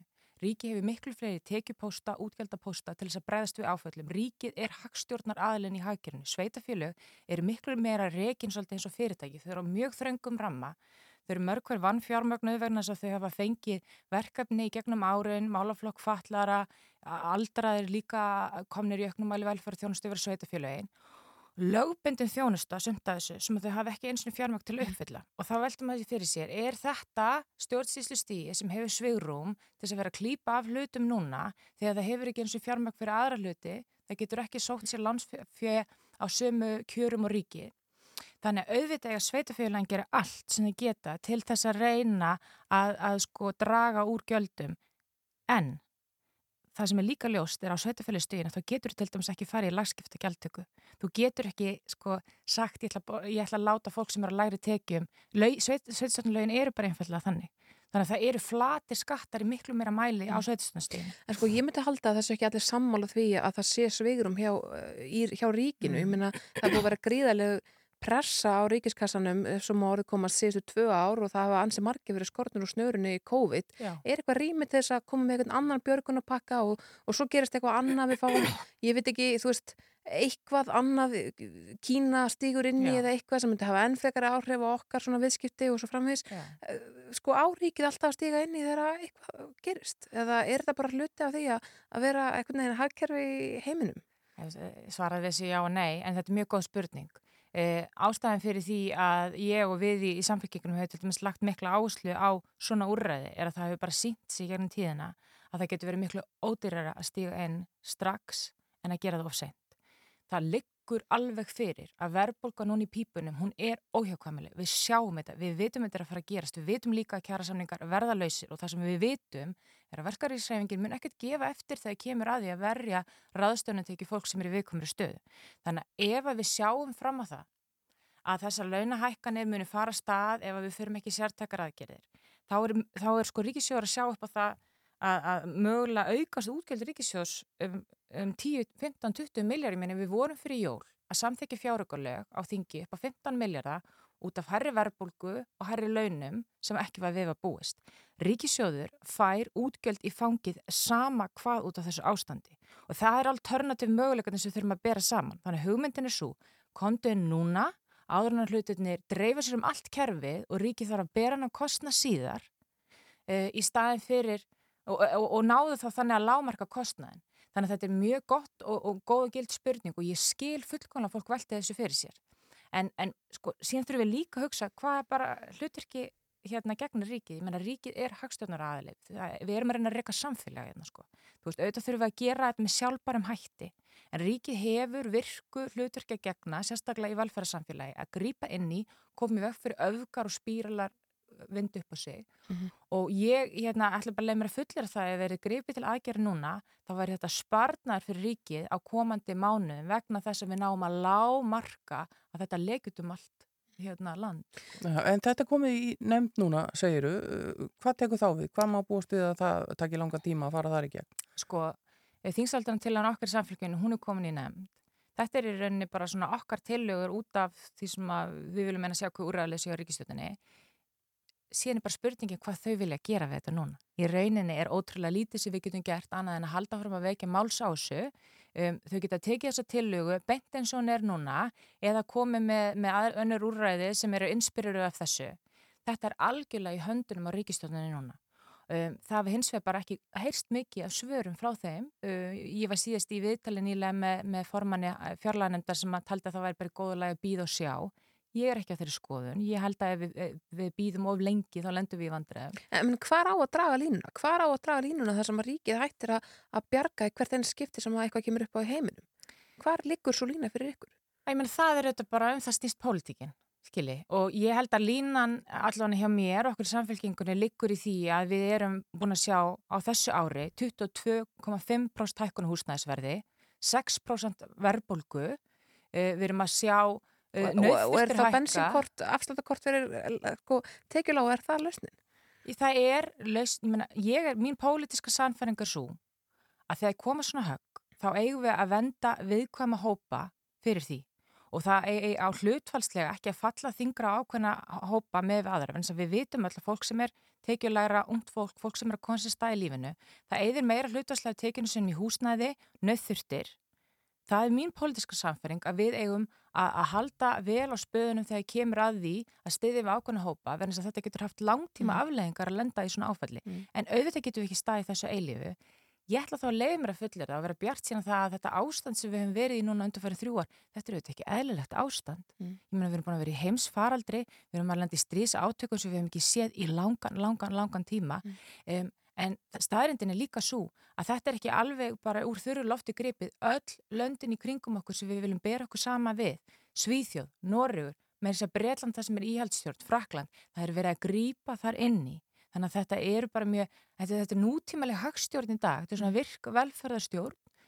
Og hugsun er það svo að þú ert að byggja undir hagvust síðar meir, þú ert að koma í veg fyrir óvirkni hjá okkurum hópum, fjárháságjur þess aftar, þannig að þegar við komumst að státur þessu, þá er meira svegrum til hagvakstar og tekjuöknar hjá ríkinu. Kristrún, þér er tíðrætt um ungt fólk og uh, ungt fólk komstu þetta svolítið inn á húsnæðismarkaðin í COVID þegar vextir voru með lægstamóti. Mhm. Nú er stýrivexti, þess að selja ekki verið að hækka stýrivexti uh, já, tiltölla brat, þeir eru komin upp í 2,75% og það verður líklega frekara hækkanir fljótlega. Já.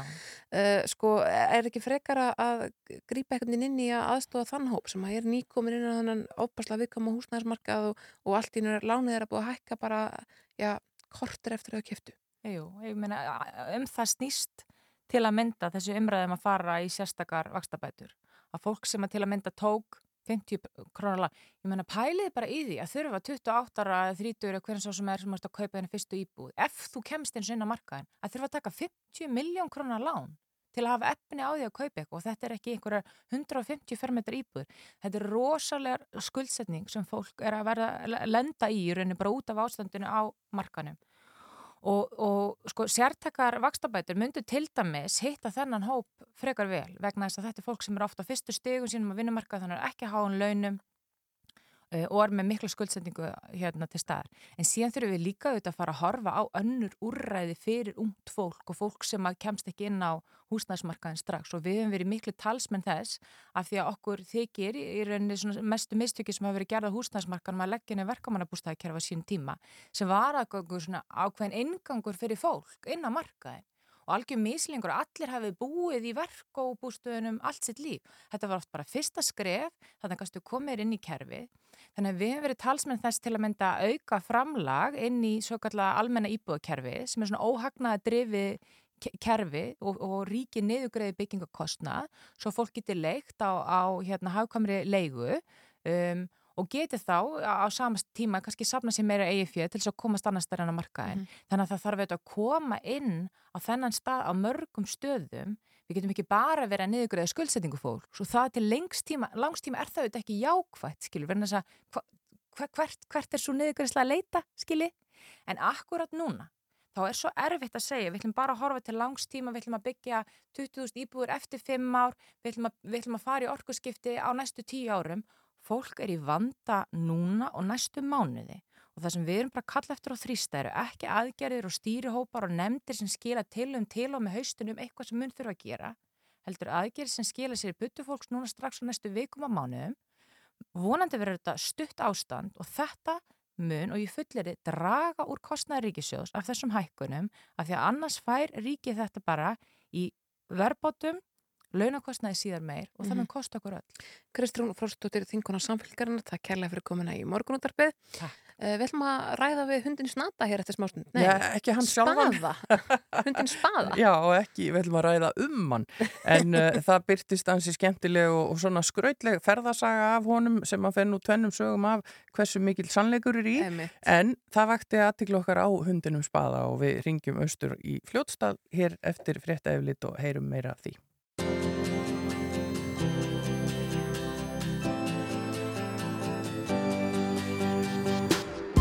Ert að hlusta á morgunútvarpið á Rástvö. Já, við höldum áfram í morgun útarpinu og færum okkur næst austur í fljótstal en á línunni hjá mér er Þorvarður Ingimarsson. Hann er eigandi hundsins spaða og af honum hafa heyrst ævintýralegar fregnir. Hann er búin að að fara víða og, og vel þekktur og okkur leikur forvitna að vita meira um þennan ævintýrakjarna hund. Góðan daginn Þorvarður. Já, góðan daginn. Hvað er þetta spaða núna? Hvað er hann? Hann er bara hérna heima, gott að honum að segja, sko. Já, en þessi saga sem ég vísa í, þú byrtir hann á, á, á Facebook hjá þér um daginn og, og saði frá því að spaði hefði farið uh, norður í miðfjörð til að sinna þar skildum. Hva- Hvað er hann að gera svona þegar hann fer, ferðast að heimann?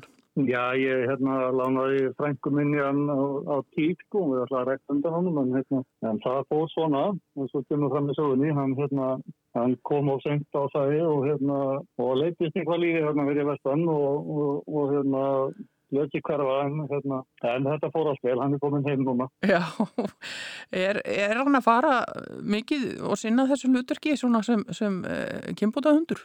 Nei, ég held nefnilega í rauninni sko, þetta er í fyrsta skipti sem að ég senda hann frá mér. Jú, jú, hann er sko búið að halda svolítið að byggum undir en ég hef þá bara vennilega fengið að hingað. Já, það hefur verið svolítið. Og það er kannski, sko, hann er, hann er kannski bara heima kæð. Já, og það er auðvitað það sem að, að, að þessi skemmtilega saga snýst um er að, að, eins og segir, hann, hún leittist að hanga þarna fyrst að var ekkit verkefni fyrir hann, svo hann laði bara að stað og ætlaði sér bara heim. Já, já, ég held að held að það sé alveg að segja það, sko. Þannig, en hann, hann hérna, þetta er svona, hérna, krafta hundur, hann spaði og sterkur og að honum er nú um sig vegið færi, sko, og hérna, þetta er alltaf fyrst og fremst bara smala hundur og vinnuhundurinn minn og hérna, og smala hund marga daga á hverju ári og hérna, Já.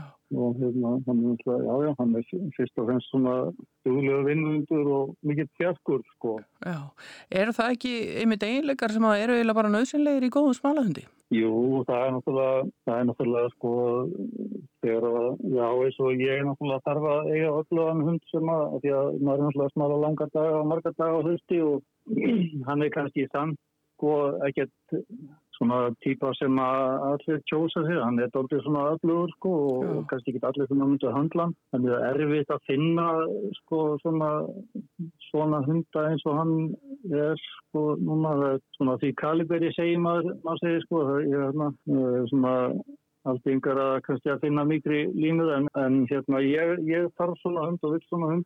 Hann er rætt ára og gammal í línu sem Gunnar Einarsson og Bræðastöðan flutti inn Mhm. og hérna sem var svona þetta voru sterkir hundar, stóri hundar og Já. fólnir og, og hérna og kjartmiklir og hann ber þess svona mikil, mikil merki sko þannig að sko þetta er svona já, hann er svona svolítið spilsanspaði Já, og hann svona meðan við lýsinguna myndi ekkit vila fyrir sér að leggja land undir fót og, og, og, og koma sér þanga sem hann ætlar. Nei, nei, það, það kemur manni ekkert og óvart sko þegar hann, hann annars vegar sko. Já, Hva, hvaða tegund er hann? Hann er border collie. Já, er ekki lang flestir svona smalahundar af, af þeirri gerð? Jú, það er náttúrulega, þetta er nú vinsalasta tegundin í það sko, þeir, þetta er náttúrulega svo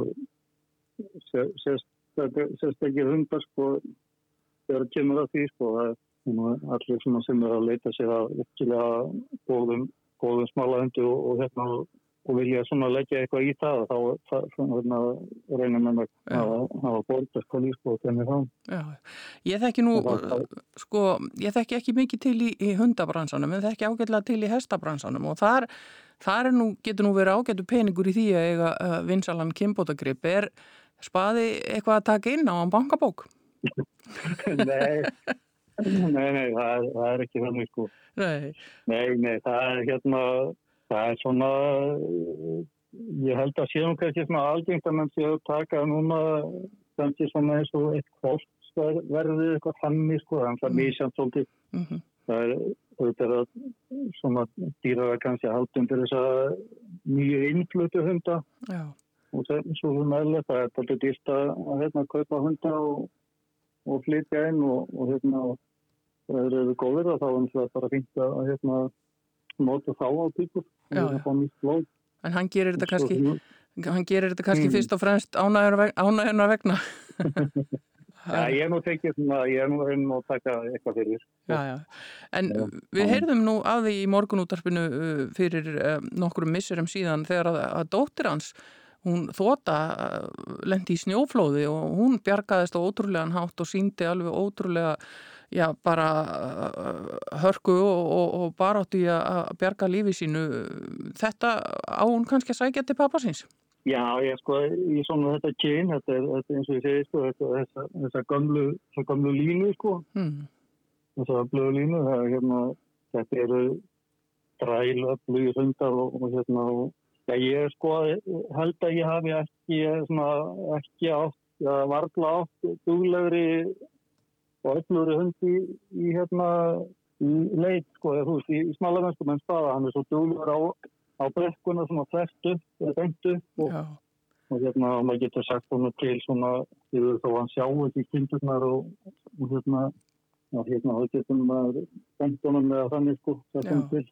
Það virðist vera hægt að þjálfa uh, þessa smalahunda alveg ótrúlega vel. Uh, maður hefur nú séð svona myndbönd af, af þeim að gera allskins uh, kúnstir. Uh, hann hefur verið fljótur til þegar þú fóst að, að, að þjálfa hann fyrir þetta hlutverk. Já, já, þannig sko, hann var svona öflugur náttúrulega, þetta sem hann átt ykkur á hann sko, hérna, það eins og ég segi, hann er öflugur og, það er kannski, ég- og hérna, kannski ekki allra skilur, ekki allir sem kjósa eitthvað svona öflugan hund, af því að þeir þurfa náttúrulega að vinna, sko, þeir eru svona öflugir og Þetta er ekki En já, hundur já, hann- sem að vill liggja mikið heim í sófa og láta klappa sér. Hann vill vera á ferðinni. Já, svona frekar sko. Hmm.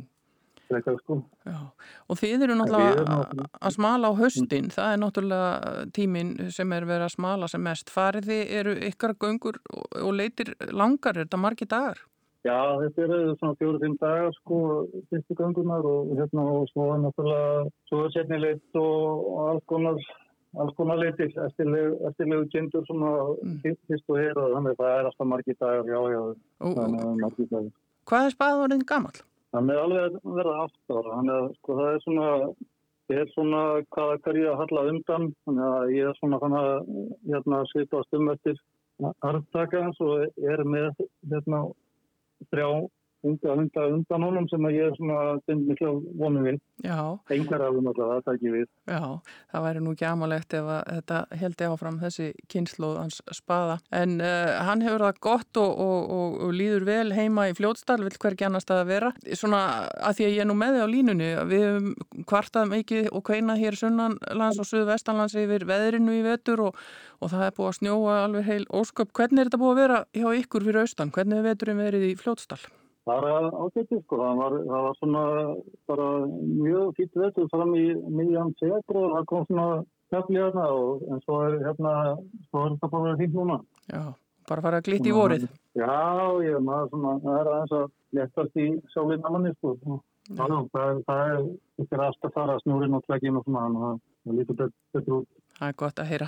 Og væntanlega svona, já, miða við söguna spaða og hans ferðalögum að þá muniði fá tíkurnar heim hérðan í frá. Hann fer ekkit meira sjálfur í ferðalög. Já, það er svona spurning, en, en, hérna, en ég, maður verður náttúrulega að nota tækifæri bara að taka þessu sko, við sögunni og hérna, það er náttúrulega svona, við, við spaðir náttúrulega við klumskir yfir þessu saman og hérna, já, já, ég held að, að í rauninni samt væri eins og aldrei hægt að segja svo ótrúlega sögu af spaða, hún geti ekki verið sönn, þetta er náttúrulega, sem að þessu segja, hvort magnaður hundur, þetta er sem svona flestir aðri hundar. Já, já.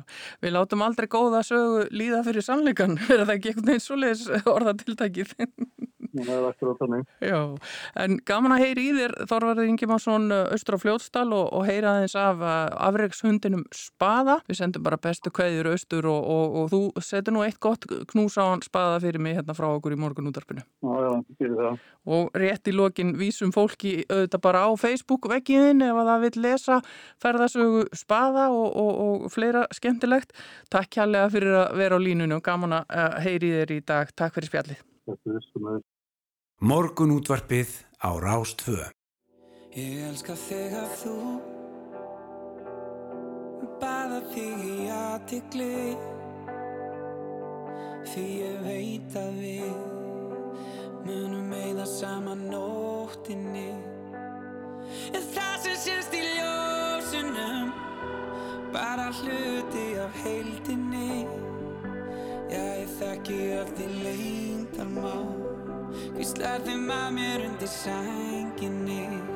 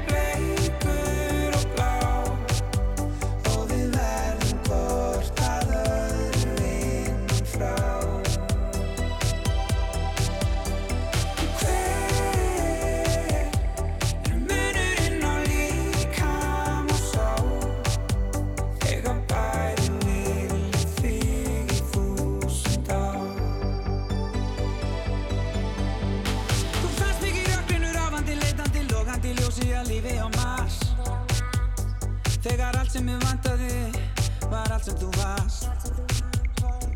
Þú kunni hjarta mitt utan bókar. Og skuggamyndirnar í ljósunum Byrtast á vegnum er þú hreyfir þig. Já, þú þekkir öll mín leyndamál Hvísla þeim að þér undir sænginni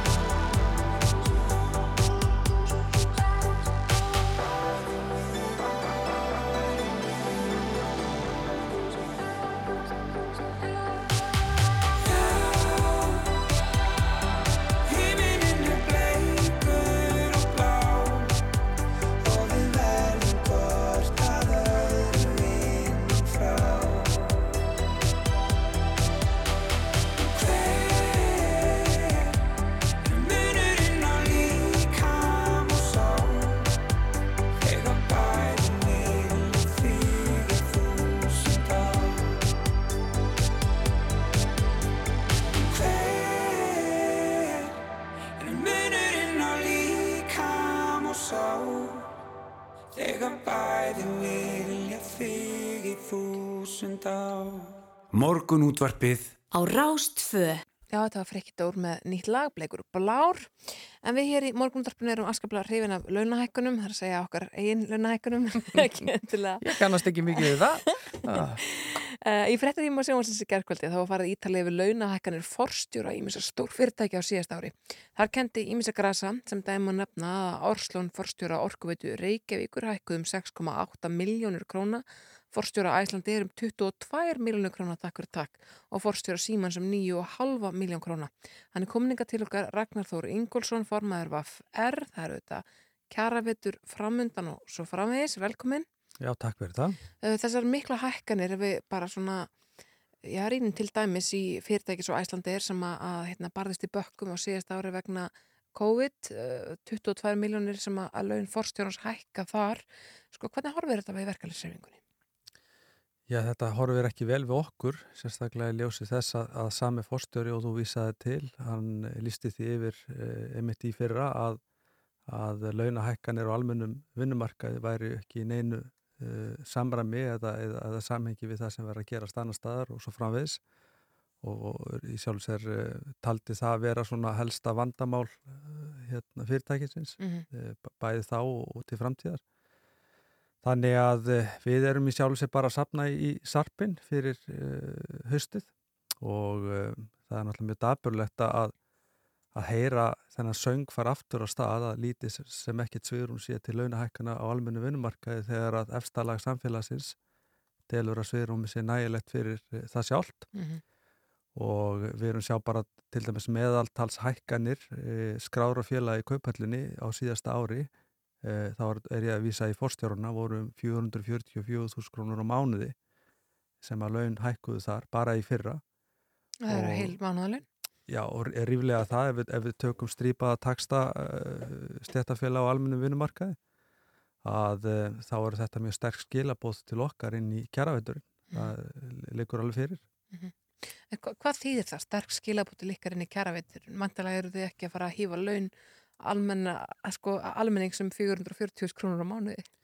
Nei, það er alltaf verið að tala um þetta blessa svegrum og, Mhm. og uh, við höfum nú tekið þetta saman í tímalínu að það verður aldrei í sögunni, aldrei í sögunni verið uh, svegrum til launahækkan og almennu vinnumarkaði Já. þegar kemur að játaranda kjærasamninga.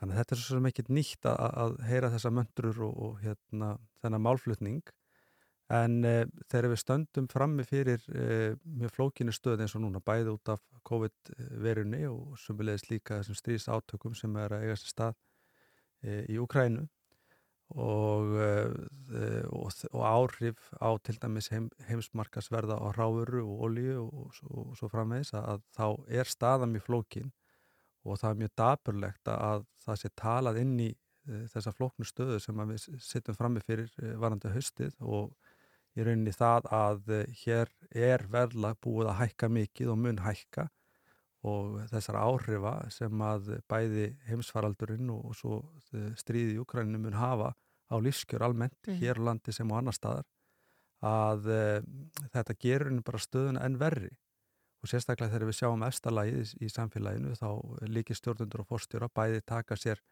launahækkanir sem eru raunverulegi engu samræmi við stöðuna Nei.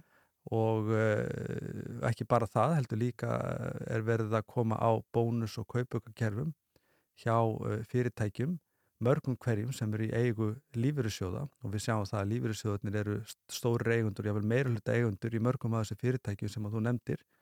Og svo líka ofnberrar uh, stopnanir eða OH, OHF félög þar sem að er, eru pólitíst stjórnað. Við sjáum líka alþingismenn og, og, og hérna ríkis uh, ráðherrar Mhm. uh, bara alþingismenn hafa hækkað yfir, yfir 80% á ykkur rúmlega 5 árum uh, þannig að við, þetta, þetta er mjög flókin stað og þetta er ömulegt að horfa upp á þetta mörguleiti að til dæmis bara lífyrirsjóðurnir eftirlunarsjóður launafólks að þeir skuli samþykja þessar miklu hækkanir sem að fórstjórnir er að taka og sömulegist líka bónus og kaupaukakerfin sem að verið er að samþykja nú síðast hjá símanum. Já, sko, þ- þegar hortir yfir þessa frétt, þá kemur svona mjög skýrt, uh, það kemur svona sk- sk- skýrt munstru fram að laun forstjóra í stórfyrirtækjum eru svona eitthvað starf bilinu fjórar og hálf miljón upp í kannski sex, uh, sumir eru herri en það. Sko, ég man mjög vel hérna fyrir um hrun, þá var hérna samfélagið mjög sokkerað á, á því að, að, að þetta aðstæðlag samfélag sem væri með yfir miljónu og jafnvel uppi tvær miljónir á uh, á mánuði og síðan eru liðin 13 ára og, og þau hafa markvaldast þessi laun í raun og veru.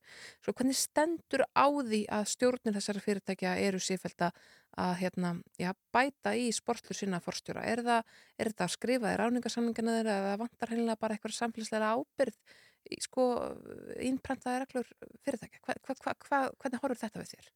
Ég þarf alveg ljósta að, að uh, stjórnendur þessar fyrirtækja telja sig vera það mikilvæg í íslensku samfélagi að, að þeir uh, telji sig þurfa tíföld, jafnvel, 20 föld laun vin, uh, sko, Starfsmanna sinna. starfsmanna sinna og að samaskapi telja þær uh, helstu hvað segja, hvað segja, græðki og frekju uh, vinnandi fólks og almennu vinnumarkaði sé það helsta sem óknir stöðuleika í íslensku hagkerfi og þetta er í sjálfu sér uh, hugsun sem að, sem að uh, maður þekkir til dæmis úr, úr uh, segja, umræðinu sem að var hérna í aðræðanda hrunsins þegar, stjórnendur fyrirtækja voru að taka sér uh, stjartfræðilegar, ekki bara laun, heldur líka greiðslur og bónuskerfi. Þannig að þetta er svona kunnulegt stef en, en, en, en ég óttast mjög þessa þróun og sérstaklega í ljósi þess að, að staðstu eigandur, markaræstar fyrirtæki eru er almenningur í landinu í gegnum lífyrirsjóðuna og þar höfum við, höfum við verið að reyna að koma einmitt á þessari samfélagslu hugsun og gildum að uh, uh, hérna verða að koma þessu inn í samþyktir og fjárfestingarstefnu lífyrirsjóðuna en svo bara stoppar þetta þar. Það eru hlutafar sem að taka síðan á endanum ákverðunum hvort að bónuskerfin séu samþykt og e, þessi launathróun e, efstala samfélagsins sé e, samþygt af eigendum sem aftur eru lífyrirsjóður sem aftur eru fólkið í landinu. Ég til dæmis lagði það til á sínum tíma þegar var haldinn hlutafundur hjá N1 og e, kauprætta stefna og sé, starfskjara stefna og bónusgreðslu til aðstu stjórnanda voru samþýtta þar fyrir nokkrum árum síðan að það er ekki farið í slíkar, slíka vegferð nema það myndi gilda þá til allra starfsmanna Mhm. að það myndi þá allir njóta góðs að því ef það gengur vel og svo framvegis en þetta nær bara ekki gegn og það er alveg ljósta að ég held að sé eitt af því sem við þurfum að, að, að uh, taka á í næstu kjærasamningum er einfallega það að aturreikandur margir hverji sem að uh, forstjórar og stjórnendur sem að koma að til dæmis eh, samtakum atunlýsins og er í stjórn þar eins og forstjóri Æslander að uh, launafólk gerir bara einfallega kröfu um það að aturreikandur fari út úr uh, stjórnum lífyrirsjóða og almenningur og sjósfélag taki þetta bara yfir þannig að við getum lagt þá bara línundar nákvæmlega eins og við viljum hafa þar Mm. Emitt. Sko, já, skilabóð inn í kjaraveturinn, síðast fengu almennir uh, launþegar ríflega 17 króna launahækkun á ári í síðustu kjarasamlingum. Uh, erum við að fara að horfa á krónutöluhækkanir eða ætlum við að fara í prósentur í höst? Það er ómögulegt að segja. Við erum að, stjættafjölunni eru almennt að undirbúa sína kröfugerðir og við til dæmis vorum að klára uh, stóra könnun. Það verið við 5.000 félagsmenn vaffer sem tóku þátt í, í kjarakönnun Mhm. eða, eða könnunu það hvaða áherslu við viljum leggja á í næstu kjarasamningum. Niðurstöðinu leggja ekki fyrir en það var aldrei fleiri félagsmenn tekið svona hvað segja, beina þátt í að móta kröfugerðina Nei. og það verið fróðlegt að sjá hvað kemur upp úr kössunum en það er alveg ljóst að uh, að uh, sko uh, þeir félagsmenn okkar sem tóku ekki laun eftir tökstum fengu í fyrra 17.200 krónur Mhm. uh, í hækkun á meðan forstjórar og efstalagið var að fá þetta meðaltali 444.000 sem er langt yfir í sjálfur sér lámastökstum vinnandi fólks Já.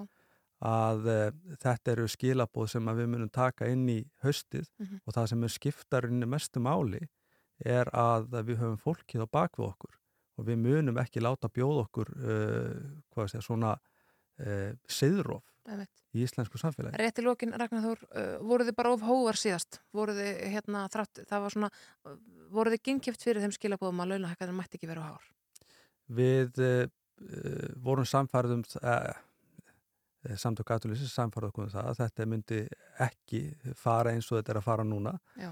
og uh, það, það gekk lengi vel að það væri svona almennt samkomulega um það að það þyrta að hækka lægstu launin síðan bara einhvern veginn springur þetta allt í, í andletið á okkur eins og við erum að sjá núna og uh, það mun allavega setja okkur í betri samlingsstöðu í haust Einmitt. ég trúi því.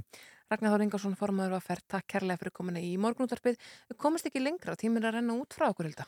Já, uh, það komið að lokum í morgun útarpinu í dag. Hér framöndan á Rástöðu eru fréttir á slæginu klukkan nýju og svo tekur Þórður Helgi við með morgunverkin fram að hátegis fréttum eftir hátegi poplandið og sítegis útarpið og kvöldvaktin í kvöld. Þetta er allt eins og það á að vera hér á Rásinu okkar og efni þáttar eins verður aðgengilegt inn á rúf.is fljótlega þætti loknum og það er hægt að hlusta á þáttin í heilsinni eða einstök viðtöluði mistuða af einhverju. Við ætlum bara að þakka fyrir okkur í byli hér í morgunútarfinu. Við verðum aftur á okkar staði fyrramáli. Þá er það Snærós og Yngvar sem ætla að vera með ykkur og uh, við segjum bara farið valega þarna úti í snjónum og hálkunni og hafið það sem allra best í dag.